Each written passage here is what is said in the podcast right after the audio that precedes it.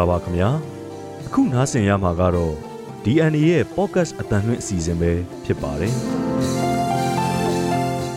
ဒေါ်လန်ရေးတိုက်ပွဲကာလဖြစ်တဲ့အားလျော်စွာတဏိတာသတင်းဖြစ်ရက်တွေကိုလူဦးဒေါ်လန်ရေးသတင်းတွေကပဲဖုံးလွှမ်းထားတာပါလူဦးဒေါ်လန်ရေးတွေကလာတဲ့စစ်ရေးနိုင်ငံရေးသတင်းတွေအပြင်တဏိတာသတင်းဖြစ်ရက်တွေတဲ့ထူးခြားထင်ရှားတဲ့လူမှုဘဝစီးပွားရေးသတင်းတွေလည်းရှိနေတတ်ပါတယ် ယမန်နေ့မလ9ရက်တနေ့တာသတင်းဖြစ်ရက်တွေကထူးခြားထင်ရှားတဲ့သတင်းဖြစ်ရက်တွေကိုကျွန်တော်မောင်သိန်းနဲ့အတူကျမနန်းခမ်းကစူစီတင်ဆက်ပေးသွားမှာပါ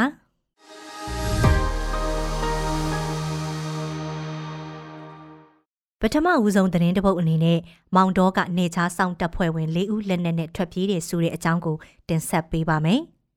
ရခိုင်ပြည်နယ်မောင်တော်မြို့နယ်မြောက်ပိုင်းမြင်းလွတ်နယ်ချားဆောင်စခန်းက တင်းနှန်းစင်းကာစတပ်ဖွဲ့ဝင်၄ဦးဟာလက်နက်တွေနဲ့ထွက်ပြေးသွားလို့စစ်တပ်ကအပူတပြင်းလိုက်ရှာနေတယ်လို့မောင်တော်မြို့နယ်အတွင်းကနေချားဆောင်ရဲနဲ့နှိဆက်သူတွေက DNA ကိုပြောပါတယ်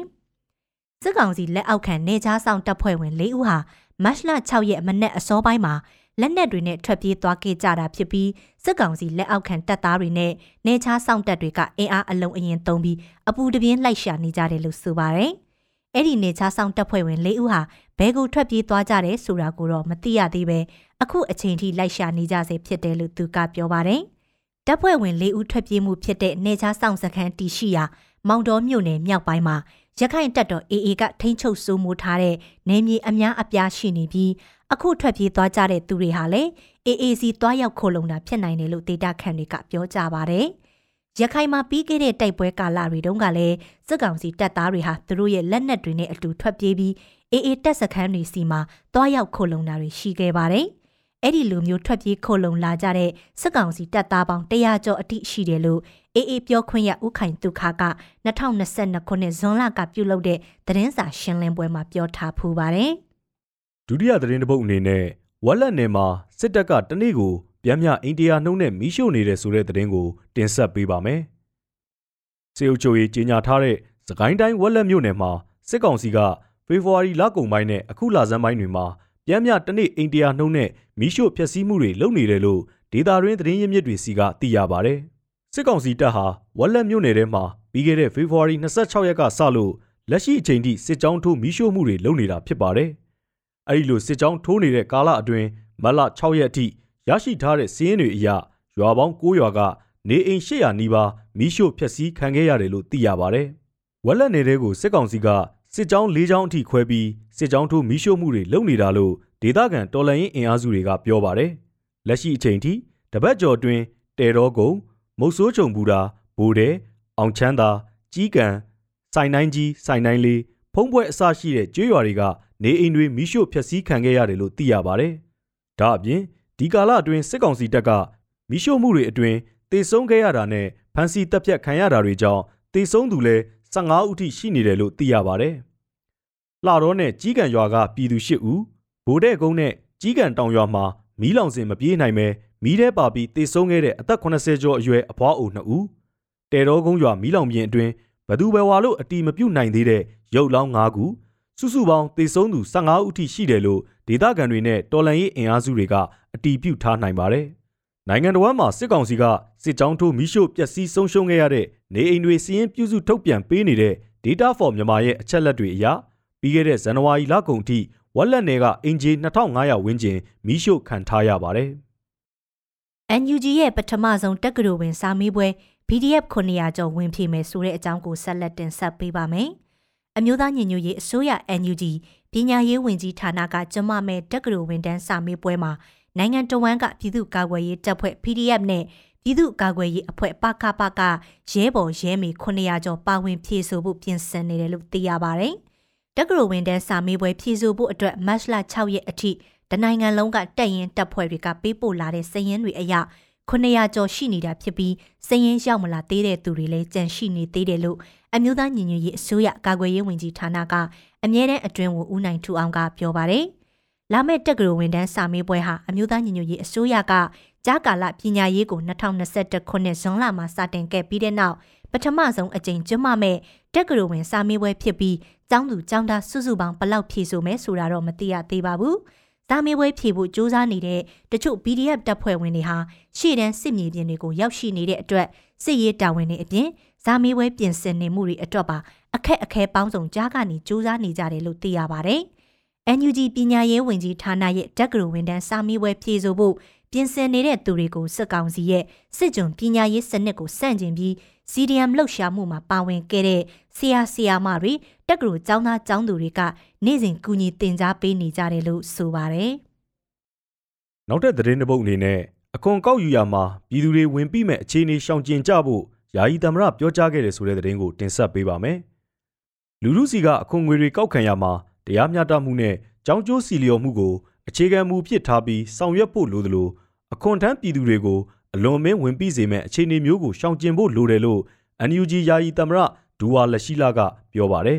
။ယမန်နေ့မလ9ရက်မနက်ပိုင်းကပြုလုပ်တဲ့အမျိုးသားညီညွတ်ရေးအစိုးရ NUG အဖွဲ့အစည်းအဝေးမှာပြည်ထောင်စုအခွန်အကောက်ဥပဒေဆွေးနွေးအတည်ပြုတာနဲ့ပတ်သက်လို့ယာယီသမရကအဲ့ဒီလိုပြောဆိုခဲ့တာပါ။စစ်အာဏာရှင်တွေခေတ်အဆက်ဆက်ကျင့်သုံးခဲ့တဲ့နီလန်းဖြစ်တဲ့ လက်နက်ပြပြီးအခွန်ကောက်တာမျိုးကိုမလိုလားဘူးလို့လည်းသူကထုတ်ဖော်ပြောကြားပါတယ်။ NUG ဟာတော်လှန်ရေးအစိုးရဖြစ်တဲ့အတွက်ဒေါ်လာရင်းရန်ပုံငွေတွေလိုအပ်ချက်လည်းရှိနေတာမို့ NUG ရဲ့ထိန်းချုပ်ဧရိယာတွေမှာအခွန်ကောက်ခံခြင်းဟာအရေးကြီးတဲ့ကိစ္စတစ်ခုဖြစ်ပြီးအလေလွင့်မဖြစ်အောင်တတိထားဖို့လိုတယ်လို့လည်းယာယီသမရကပြောပါတယ်။ NUG ထိန်းချုပ်နယ်မြေတွေမှာပြီးခဲ့တဲ့2022ခုနှစ်နှစ်လယ်ပိုင်းကစလို့အခွန်ကောက်ခံမှုတွေစတင်လှုပ်ဆောင်ခဲ့ပြီးနှစ်ကုန်အထိ9လအတွင်းကျပ်3ဘီလီယံ တန်း3000ဝန်းကျင်ရထားတယ်လို့စီမံကိန်းဗဏ္ဍာရေးနဲ့ယင်းနှိမ့်မြှုပ်နှံမှုဝန်ကြီးဦးတင်ထွန်းနိုင်ကပြောထားပါတယ်။နောက်တစ်ပုတ်အနေနဲ့ခင်ဦးမှာစစ်ရှောင်း90ကျော်ကိုစစ်တပ်ကတစားခန်းအဖြစ်ဖမ်းတယ်ဆိုတဲ့အကြောင်းကိုပြောပြပေးပါမယ်။စစ်အုပ်ချုပ်ရေးကြီးညာထားတဲ့ခင်ဦးမြို့နယ်မြောက်ဖက်ချမ်းနဲ့ကဲ့ဘလူအဆက်ကကြေးရွာတွေမှာစစ်ကြောင်းထိုးနေတဲ့စစ်ကောင်စီတပ်ကတေဒခန်စစ်ရှောင်း90ကျော်ကိုမတ်လ6ရက်မှာတစားခန်းအဖြစ်ဖမ်းဆီးခေါ်ဆောင်သွားတယ်လို့တေဒခန်တွေကပြောပါတယ်။ စစ်ကောင်စီတပ်တွေကဖမ်းဆီးခေါ်ဆောင်သွားတဲ့ပြည်သူတွေအနက်9ဦးဟာမတ်လ6ရက်မှာပဲထွက်ပြေးလွတ်မြောက်လာတယ်လို့ဒေတာကာကွယ်ရေးတပ်ဖွဲ့ဝင်တဦးက DNA ကိုပြောပါတယ်။စစ်ကောင်စီတပ်ဟာကြံနေတဲ့ဒဇာခံတွေကိုရိုက်နှက်တာနဲ့ညှဉ်းပန်းနှိပ်စက်တာတွေရှိနေတယ်လို့ပြန်လည်လွတ်မြောက်လာသူ9ဦးစီကသိရတယ်လို့လည်းသူကပြောပါတယ်။စစ်တပ်ကဖမ်းခေါ်သွားတဲ့ဒဇာခံတွေကအများစုဟာကြီးစုကျေးရွာကဖြစ်ပြီးထွက်ပြေးလွတ်မြောက်လာသူတွေကတော့ရှားတော်ကျေးရွာနဲ့ကြီးစုကျေးရွာကဒေတာခံတွေဖြစ်တယ်လို့လည်းသိရပါတယ်။ ဖမ်းဆီးခံထားရတဲ့ဒဇာခံတွေထဲမှာကြားမပနဦးအထိပါဝင်ကြတယ်။အသက်အရွယ်အပိုင်းအခြားစားတဲ့အသေးစိတ်အချက်အလက်တွေကိုတော့မသိရသေးပါဘူး။ပြီးခဲ့တဲ့မတ်လတရက်ကစကိုင်းတိုင်းစကိုင်းမြို့နယ်တာတိုင်ရွာကတေဒခံ18ဦးထပ်မင်းကိုစစ်တပ်ကဒဇာခံအဖြစ်ဖမ်းခေါ်သွားပြီးနောက်အားလုံးကိုတပ်ဖြတ်ခဲ့ပါတယ်။ဒါအပြင် စကိုင်းမြို့နယ်နဲ့မိုးမြစ်တာချတဲ့မြင်းမူနယ်မှာလည်းမတ်လ9ရက်ကစစ်ကြောင်းထိုးခဲ့တဲ့စစ်တပ်ကလက်ကကျေးရွာကတေဒခန့်200လောက်ကိုတစားခန့်အဖြစ်ဖမ်းဆီးကာ3ဦးကိုတော့တပ်ဖြတ်ခဲ့ပါတယ်။နောက်ဆုံးသတင်းတစ်ပုဒ်အနေနဲ့မြန်မာကတိုင်းနယ်ပြည်နယ်၈ခုကိုမသွားဖို့ဗြိတိန်နိုင်ငံသားတွေကိုဗြိတိန်အစိုးရတတိပေးထုတ်ပြန်တယ်ဆိုတဲ့သတင်းကိုတင်ဆက်ပေးပါမယ်။ဆီယနာသိမ့်ပြီးနောက်တိုက်ပွဲတွေနဲ့အကြမ်းဖက်မှုဖြစ်စဉ်တွေမြင့်တက်နေတာကြောင့်မြန်မာနိုင်ငံကိုခီးမသွားကြဖို့နဲ့ တိုင်းနယ်ပြည်နယ်၈ခုကိုတွာလာတာမလုပ်ဖို့ဗြိတိန်အစိုးရနိုင်ငံသားရေးဝန်ကြီးဌာနရဲ့ Commonwealth and Development Office ကမတ်လ6ရက်မှာထုတ်ပြန်ပါတယ်။အဲ့ဒီရုံးကခီးသွားလာမှုမလုပ်ဖို့သတိပေးတားမြစ်ထားတဲ့ဒေသတွေထဲကချင်၊ကရင်၊ကယား၊ချင်း၊မွန်စတဲ့ပြည်နယ်တွေနဲ့ရခိုင်ပြည်နယ်မြောက်ပိုင်း၊စကိုင်း၊မကွေးတိုင်းတွေလည်းပါဝင်ပါတယ်။လေကြောင်းနဲ့လက်နက်ကြီးပစ်ခတ်တိုက်ခိုက်မှုတွေမြေမြုံမိုင်းအန္တရာယ်လက်နက်ကင်တိုက်ပွဲတွေရှိနေတာအပြင် နိုင်ငံအနှံ့မှာအကြမ်းဖက်တိုက်ခိုက်မှုဖြစ်စဉ်တွေရှိနေတယ်လို့ပြည်ထောင်အစိုးရနိုင်ငံသားရေးဝန်ကြီးဌာန Commonwealth and Development Office ရဲ့ထုတ်ပြန်ချက်မှာဖော်ပြထားပါတယ်။လက်ရှိနိုင်ငံတော်ဝန်မှာစစ်ကောင်စီကဖမ်းဆီးတပ်ဖြတ်တာစစ်ကြောင်းထိုးမိရှို့တာနဲ့ပြစ်ခတ်တပ်ဖြတ်တာတွေအပြင်တော်လှန်ရေးအင်အားစုတွေကစေအုပ်စုရဲ့ရန်ရာတွေနဲ့တောက်တိုင်လို့သတ်မှတ်တဲ့လူပုဂ္ဂိုလ်အဆောက်အဦတွေကိုတိုက်ခိုက်တဲ့ဖြစ်စဉ်တွေနေ့စဉ်ရှိနေတာပါ။ အခုနိုင်ငံတကာသတင်းအစီအစဉ်ကိုကိုမောင်သိန်းကဆက်လက်တင်ဆက်ပေးပါမယ်။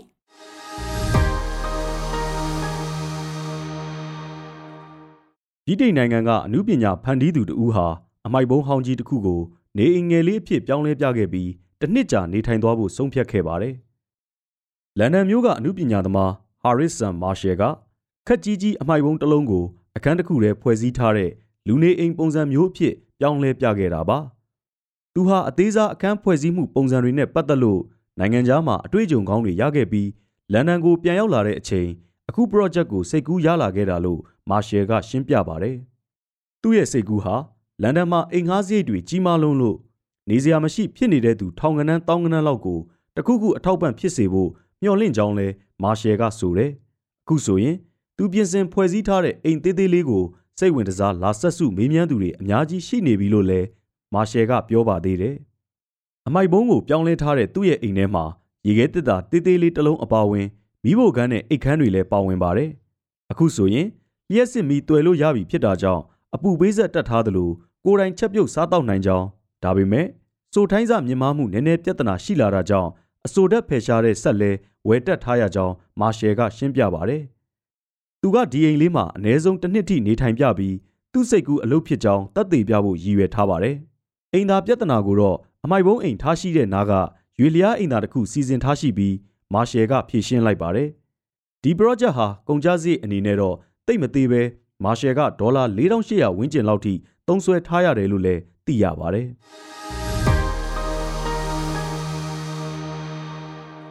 မျိုးသားတွေကြီးစိုးတဲ့စပုံမှုလောကမှာထိုးပေါက်နိုင်ဖို့ဂါဇာအခြေစိုက်ပါလက်စတိုင်းအမျိုးသမီးတဦးကအလေးနဲ့စ조사နေပါတယ်။အမာနီရှက်က သူ့ကိုယ်သူစပုံမှုတဦးအပြင်စွန်ဦးတီထွင်စားတောက်ဆိုင်လုပ်ငန်းရှင်တဦးအနေနဲ့ပါခံယူထားသူဖြစ်ပါတယ်။သူဟာ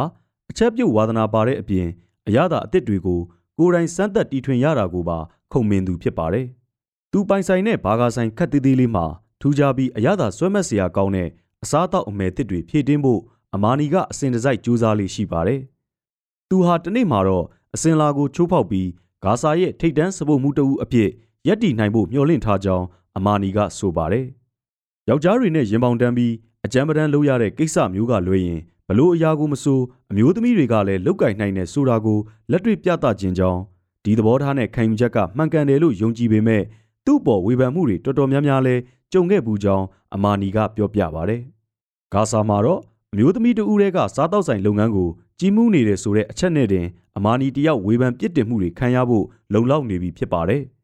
သူငငယ်တုန်းကမက်ဒေါ်နယ်ရဲ့ဟမ်ဘာဂါကိုစားခဲ့ဘူးကြောင်းဒီဆိုင်မှာတော့အဲ့ဒီဘာဂါနဲ့တအားတူတဲ့အရသာမျိုးကိုရရှိနိုင်ပြီးအဲ့ဒီအတွက်လဲစိုင်ပိုင်ရှင်ဖြစ်တဲ့အမာနီကိုကျေးဇူးတင်မိကြောင်းဖောက်တဲ့တယောက်ကပြောပါတယ်။အစ္စရေးရဲ့ဗပောင်းဆောင်ပိတ်ဆို့ထားမှုတွေကြောင့်ပါလက်စတိုင်းနယ်မြေတစ်ခုဖြစ်တဲ့ဂါဇာမှာနိုင်ငံခြားစားတောက်ကုန်အမှတ်တစိမ့်တွေလာရောက်ရင်းနှီးမြှုပ်နှံနိုင်ခြင်းမရှိဘဲအစားတောက်ကဏ္ဍမှာဒေသခံပြည်တွင်းပစ်ဆိုင်တွေအမှတ်တစိမ့်တွေကိုပဲအဓိကအားကိုးနေရတာဖြစ်ပါတယ်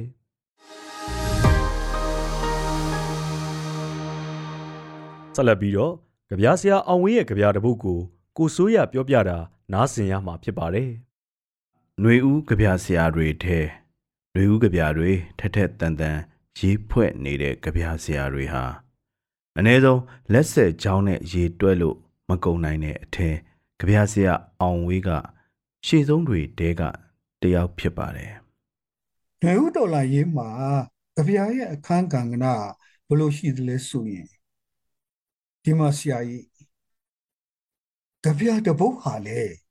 ကြီးစားတထောင်လိုပဲအရေးကြီးပါတယ်။ကြီးစားတထောင်ကစစ်ခွေးတကောင်ကိုပဲတတ်နိုင်တတ်နိုင်မယ်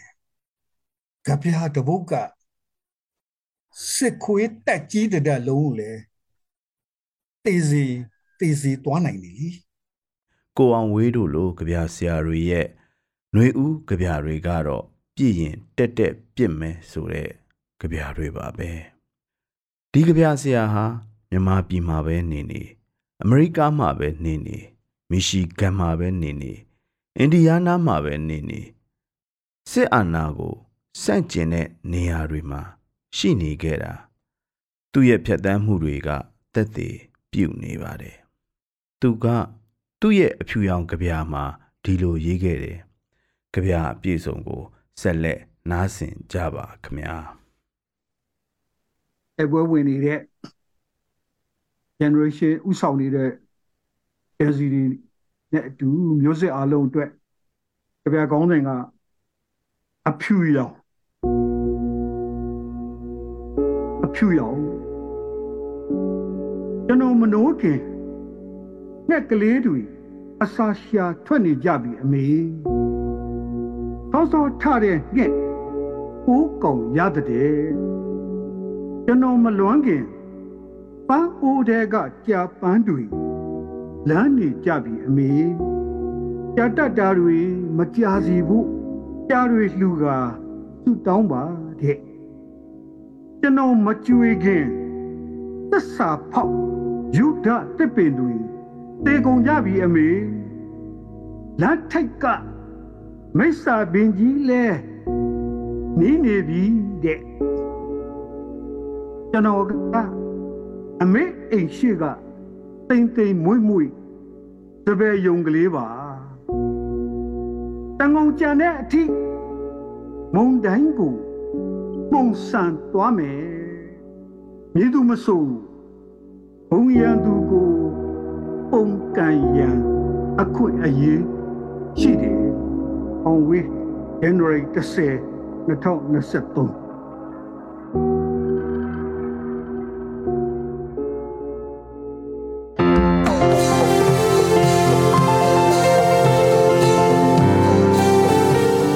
ီအန်ရဲ့ podcast အတန်လွင့်အစီအစဉ်ကိုအပတ်စဉ်တနင်္လာနေ့ကနေတောက်ကြနေ့အထိမနက်9:00နာရီတိုင်းမှာတင်ဆက်ပေးသွားမှာဖြစ်ပါတယ်။ဒီအစီအစဉ်ကို DNA ရဲ့ Facebook Page ကနေအပြင် Anchor, Spotify နဲ့ Google Podcast တို့တွေကနေတဆင့်လဲနားဆင်နိုင်ပါတယ်ခင်ဗျာ။